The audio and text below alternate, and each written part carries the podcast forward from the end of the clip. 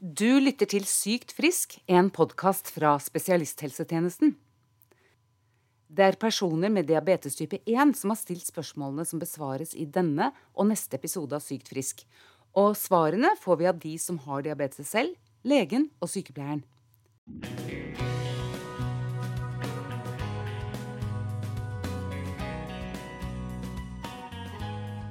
For det å kunne elske med hverandre med et blodsukker på under seks. Det går skikkelig gærent. Selv om jeg har hatt diabetes i 17 år, så er det fortsatt en 24-7-jobb å holde styr på blodsukkeret.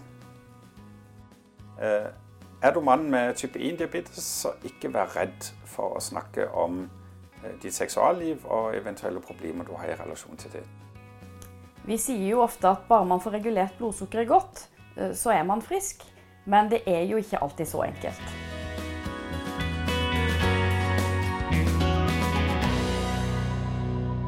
Vi har fått mange gode og konkrete spørsmål fra pasientene, og vi syns det blir spennende å prøve å svare disse ut.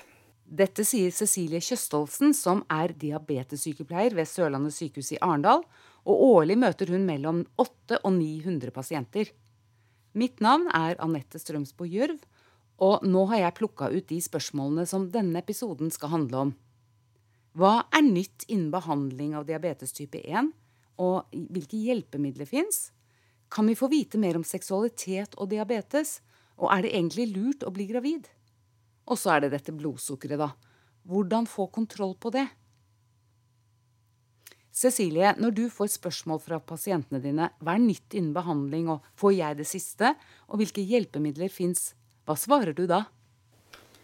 Det siste nye i forhold til type 1-diabetes er jo i forhold til teknisk utstyr en insulinpumpe som samarbeider med en blodsukkersensor.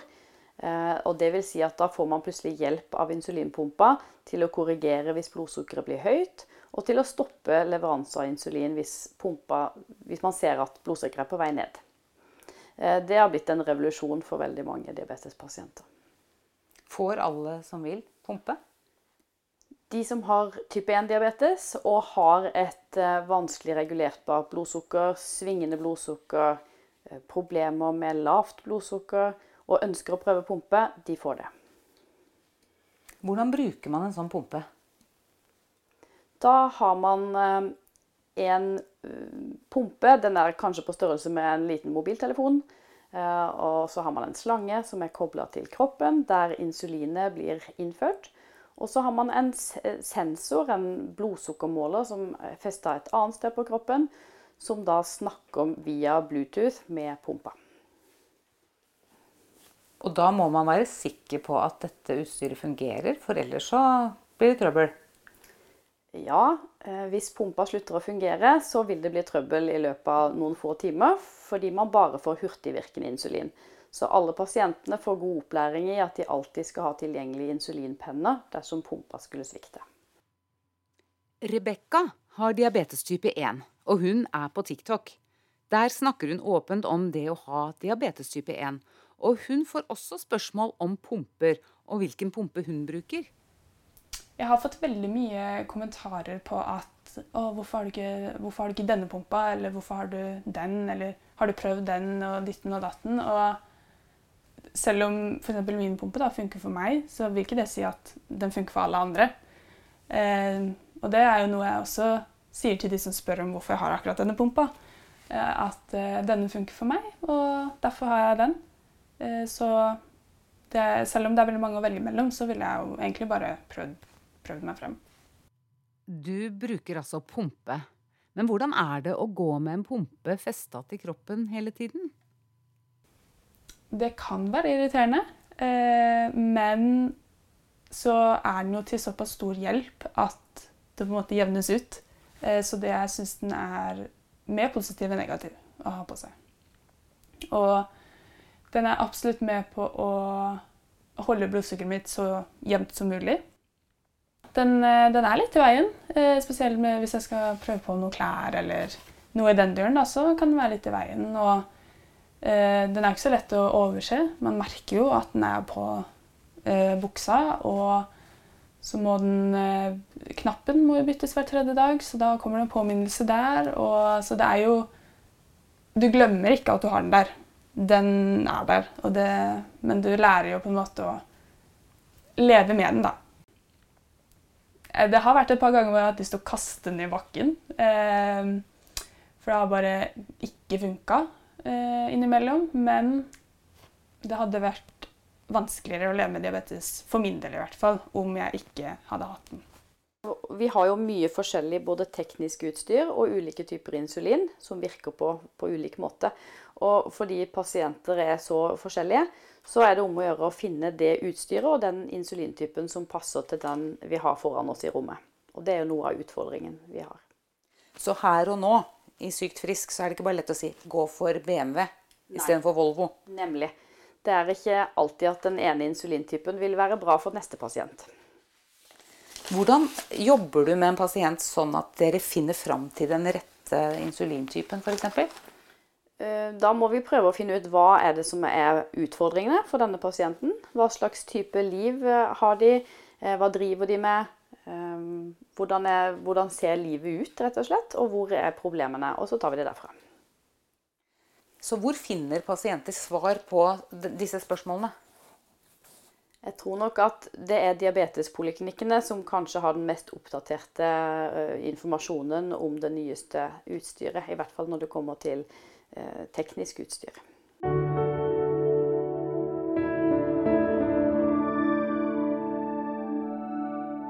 I spørsmålsbunka vår er det mange som spør om dette med seksualitet eh, knytta til diabetes 1. Hva kan jeg gjøre, hva bør jeg gjøre, og hvorfor er det vanskelig? Eh, er det spørsmål du snakker med dine pasienter om? Det er lite fokus på det. Eh, men jeg ønsker jo at pasienter som opplever vanskeligheter i forhold til det, skal ta det opp på konsultasjonen. Så skal vi selvfølgelig snakke mer om det. Det burde vært mye større fokus. Og så er det dessverre sånn at det er mye som skal få plass på kort tid under en konsultasjon. Eh, så da er det viktig at pasientene er tydelige på, på, sine egne behov og hva de ønsker å snakke om. Det er noen som også spør om eh, er det lurt å bli gravid. Selvfølgelig skal man kunne bli gravid, og vi får det til. Vi skal bare vite om det og gjøre de grepa som skal til.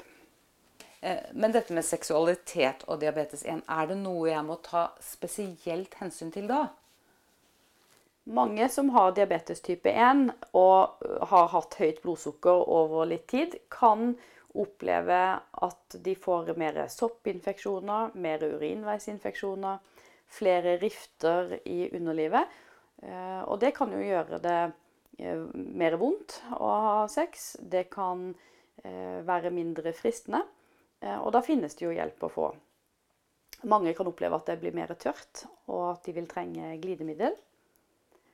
Og en ting som er veldig kjent blant de som har diabetes, det er jo nevropati, altså nerveskader i føttene. Men man kan òg få nerveskade i vagina. Og da kan det bli smertefullt. Inger Kristine har funnet en vei med diabetes type 1 og sexlivet.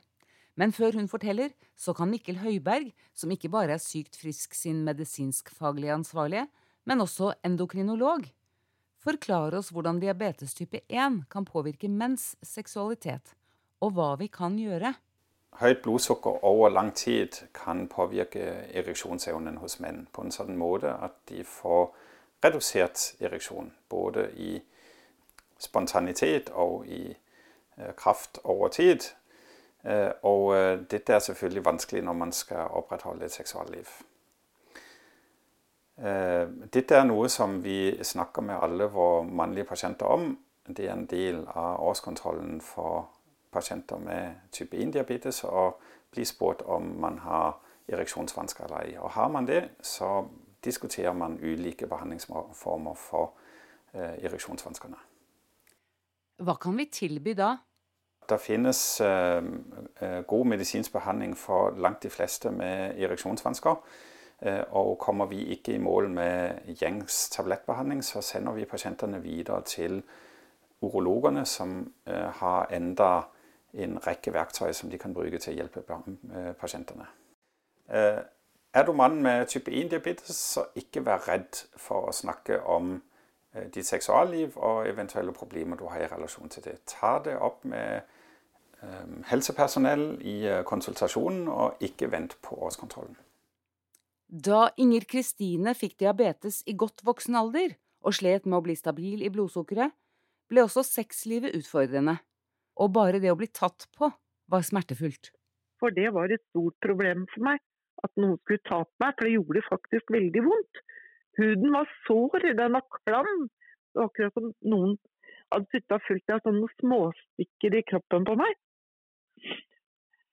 Men vi lærte jo ganske tidlig da, at dette med elsking, det måtte vi planlegge. For det å kunne elske med hverandre med blodsukker på under seks, det går skikkelig gærent. Da hender det veldig ofte at man havner i føling. Det å gjøre fysiske anstrengelser på under seks kan ha veldig varierende utslag. Så det bør nok være høyere enn det. Så slagordet er 'ikke sex under sex'? Ikke sex under sex. Var det kleint? Nei, og det er i hvert fall himla sant. Så vi var bare nødt til å begynne å planlegge. Vi måtte se det an grann. Og kanskje vi hadde planer om å få det til, men vi kanskje måtte gi oss, for det rett og slett ikke gikk. Fordi at kroppen ikke ville. Og da var det snakk om at hvordan kan vi gjøre det da? Jo, da valgte vi og istedenfor å bebreide hverandre ja, du burde ha spist eller du kunne eller gjort sånn, så løste vi det hele med et god kyss og litt klapp og klem. Og si det. Vi prøver en annen gang, vi. Og det samme med det ordentlig høye blodsukkeret. At hvis du vil ha noen sånn kontakt med for høyt blodsukker over 13, så er det faktisk ubehagelig og gjør vondt. Fordi at huden den tar ikke mot kos når du er høy i blodsukkeret. Men jeg vil si at hver enkelt menneske har sin egen type diabetes.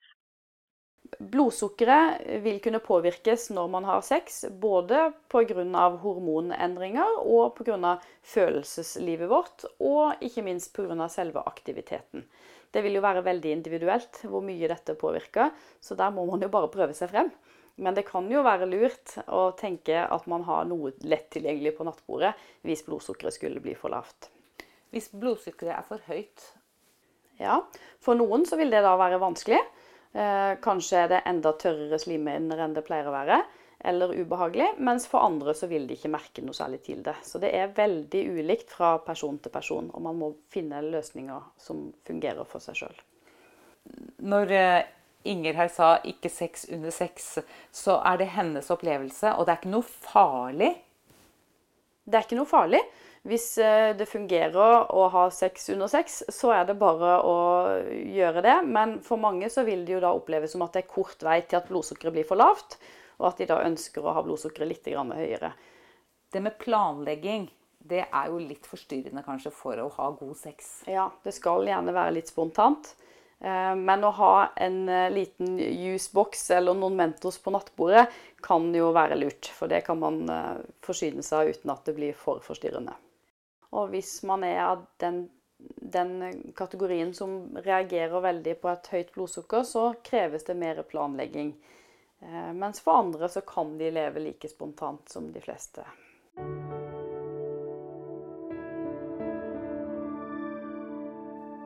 Det er jo veldig mange spørsmål rundt dette med høyt og lavt blodsukker. Og det er jo det det handler ofte om på diabetes type 1. Og vi har nettopp snakka om seksualitet, hvordan det kan påvirkes av høyt eller lavt blodsukker. Og så er det jo det å kunne holde et jevnt blodsukker som er målet. Hvor vanskelig er det, Cecilie? Igjen så er det veldig individuelt. Det finnes flere kategorier av diabetes type 1 nå. Noen har, mer, har litt egenproduksjon og vil ha et litt jevnere blodsukker, mens andre som får diabetes når de er små barn, har ingen egenproduksjon og vil oppleve større svingninger i blodsukkeret sitt. Og det du sier egenproduksjon, det er jo da den insulinen som skal hjelpe med å jevne ut blodsukkeret? Ja, som kroppen produserer. Eh, I tillegg så er det sånn at vi er forskjellige, så noen mennesker reagerer mer på stress enn andre. Og det vil igjen påvirke blodsukkeret mer. Sånn at vi har alle kategorier. Noen kan klare å holde blodsukkeret ganske stabilt uten altfor stor innsats, selv om det er alltid en innsats som ligger bak. Mens andre strever veldig og får det allikevel ikke til. Og da kan ha god hjelp av hjelpemidler som f.eks. en insulinpumpe. Da har man en medhjelper i lomma. Det er mange som ønsker seg svar. Gode svar på dette med blodsukkernivå. Hvordan kan vi holde det jevnt gjennom en dag?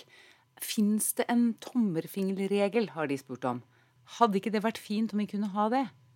Det er ikke så enkelt, rett og slett. Det er mye som legges inn i det å ha styr på blodsukkeret. Så det, det, er ikke, det, er ikke, en enkel regel for det. Men du har hatt det i mange år? Helt siden du var tre år? Mm. Nei, det er jo 17 år i år. Eller nå i løpet av høsten. Mm. Så hva har du lært om blodsukkeret ditt i alle disse årene? Jeg har lært at uh, det er en berg-og-dal-bane. Veldig uforutsigbart. Men uh, at uh, det går an å ha kontroll på det til en viss grad. Men at det er krevende.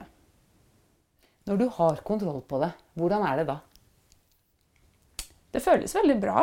For da, hvis du da har satt riktig dose og du ser ok, blodsukkeret er greit etter måltidet, så føler du kjenner jo på en mestringsfølelse som er veldig veldig fin å ha. Men så gjør du det samme neste gang, og da er det ikke sikkert du får samme resultat? Det er ikke sikkert, nei. Og da, da kan det bli veldig frustrerende. Og ikke kjenne på så veldig mye mestringsfølelse. Men så må du jo bare fortsette å prøve. Prøve og feile. Det er vel egentlig det det går i. Når du feiler og feiler og feiler, og så lykkes du, har du da fått en liten sånn aha, sånn skal jeg gjøre det neste gang? Nei. Det har jeg ikke. Eh, for det er ingen oppskrift, rett og slett. Når jeg sier og bare du får eh, jevnt blodsukker, så er du jo frisk. Hva tenker du da? Det tenker jeg er helt feil. Det, det er ikke sånn det funker. Så det viktigste hvis man får diabetes type 1, det er å bli kjent med sin egen kropp. Og finne ut hva er det som påvirker mitt blodsukker, og hva kan jeg gjøre med det. Eh, hvis man vet hva som påvirker blodsukkeret, så er det lettere å begynne å jobbe med hvordan man kan behandle det. Det er en som spør her eh, Kan man eh, sulte seg selv for å holde blodsukkeret nede? Det vil vi ikke anbefale. Det vil selvfølgelig være lettere å holde en jevn blodsukkerregulering hvis man tenker over hvor mye og hva slags karbohydrater man inntar. Men å kutte ut karbohydratene eller å sulte seg, det anbefaler vi aldri for type 1-diabetikere. Det er også kommet spørsmål om hvordan man kan regulere blodsukkeret når man går i turnusarbeid. Ja, det er mange som kan oppleve at det kan være vanskelig å jobbe i turnus, da spesielt natt. Eh, for noen så fungerer det fint, mens andre opplever at da blir blodsukkerreguleringa vanskelig. Igjen så har vi jo noen som ser at en insulinpumpe som kan hjelpe å regulere blodsukkeret, vil hjelpe til eh, i de situasjonene. Men for andre så, så vil det være vanskelig. Den store bøygen for mange er jo dette som heter karbohydrattelling. Høres vanskelig ut. Og man må hele tiden tenke på hva man spiser. Klarer man det, så får man jevnere blodsukker. Ja. Hvor vanskelig er det? Det høres komplisert ut, men vi ser jo at eh, vi er vanedyr. Vi spiser ofte den samme maten om igjen og om igjen. Og når man da forholder seg til de karbohydratene i maten vi spiser, så får vi en større frihet. Hva slags frihet tenker du på da? Større frihet til å spise det man har lyst til, og klare å treffe riktig insulindose. Den innsatsen det kreves Rebecca, for at du skal kunne holde jevnt blodsukker gjennom en dag, hvordan er den? Den, eh, det går veldig mye opp og ned. Det er jo ikke alle dager jeg gidder rett og slett, å legge inn eh, en god innsats. Og da vet jeg jo på en måte ikke hvordan dagen kan gå. Men eh, så er det kanskje neste dag hvor jeg får litt mer sånn OK, i dag har jeg lyst til å prøve å få en grei Eller få en god balanse, da. Eh, så prøver jeg litt hardere, og kanskje det går, kanskje det ikke går. Men eh, akkurat den innsatsen går veldig opp og ned. Men den innsatsen, hva ligger i den? Det er vel det at jeg er litt mer nøye på ting. Eh, prøver å regne ut mer eh, for doser og til mat. Eh, og kanskje prøve å være litt mer i aktivitet. Være litt ekstra nøye på hva jeg putter i meg, sånn at jeg gjør det litt enklere for meg selv. Eh, og bare er litt mer obs på ting, da. For det vi hører, er jo at man kan jo bare regulere blodsukkeret sitt med insulin, så du kan spise hva som helst.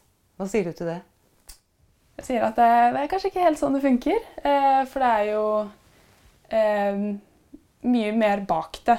Eh, det er jo ikke bare å sette insulin. Ja, det er det du gjør, men så vet du ikke helt hvordan det funker på kroppen.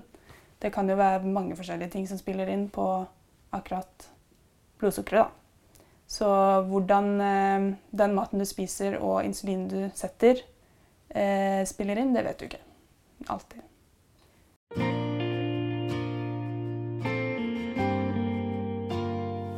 Vi har klart å svare på noen av alle de spørsmålene vi har fått fra diabetespasienter nå, Cecilie. Men hva, hvis du skulle oppsummere, hva er det viktigste vi har snakka om? Seksualliv er like viktig for eh, pasienter med type 1-diabetes som for alle andre i forhold til livskvalitet. Eh, det er viktig å prøve å få, få det bra til. Hvis det er vanskeligheter, så, er det, så, ønsker vi at dere tar det opp under konsultasjoner med oss. Og så skal vi prøve å hjelpe til. Det kan være utfordrende med for lavt blodsukker, det kan være utfordringer med for høyt blodsukker. Det er individuelt, og det viktigste er å prøve å bli kjent med egen kropp. Når det gjelder å bli gravid med type 1-diabetes, så går det helt fint.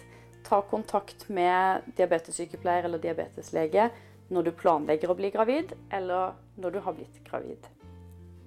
Personer med diabetes type 1 kan selvfølgelig også helt fint få barn. Når man har diabetes type 1, så må man tenke på blodsukkeret sitt 24-7. Eh, det kan være slitsomt, men med å få til gode grep, lære seg metode for karbohydratvurdering, lære sin egen kropp å kjenne for å gjøre de, de riktige vurderingene, så vil man kunne få en god livskvalitet. Eh, det finnes jo òg disse nye insulinpumpene som kan være til stor hjelp for veldig mange som sliter med sitt blodsukker.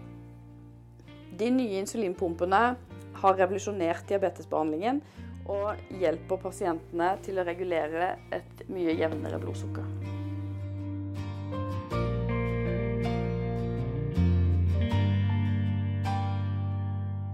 Du har hørt diabetessykepleier Cecilie Kjøstholsen, våre to pasienter Rebekka og Inger Kristine, og endokrinolog Mikkel Høiberg. Han er også sykt frisk sin medisinskfaglige ansvarlige. Du kan finne lenker til bl.a. gratis digitalt kurs om karbohydratvurdering og andre ressurser om diabetes 1 på nettsiden syktfrisk.no. Der finner du også episoden som tekst, og du kan klikke deg inn på hva pasienter med diabetes 1 spør om.